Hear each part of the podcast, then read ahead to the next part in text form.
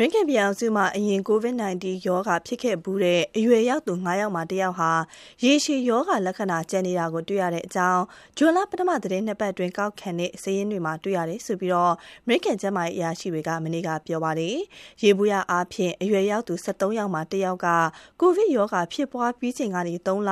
ဒါမှမဟုတ်လေဒီထက်ပိုပြီးတော့အရင်ကမရှိတဲ့ရောဂါလက္ခဏာတွေကျန်နေတဲ့အကြောင်းစစ်တမ်းမှာဖော်ပြထားပါတယ်။အချက်လက်တွေကိုဂျွန်လ1ရက်နေ့ကနေ73ရက်အတွင်းအမေရိကန်သန်းခေါင်စာရင်းဌာနကကောက်ခံခဲ့ပြီးတော့ယောဂထိန်းချုပ်ရေးနဲ့ကာကွယ်ရေးဌာန CDC ကသုံးသပ်ခဲ့တာပါ။ရေရှည်ယောဂလက္ခဏာဆိုတာကတော့မောပန်းတာနှလုံးခုန်နှုန်းရုတ်တရက်မြန်တာအသက်ရှူမဝတာအစာချေဖို့ခက်ခဲတာ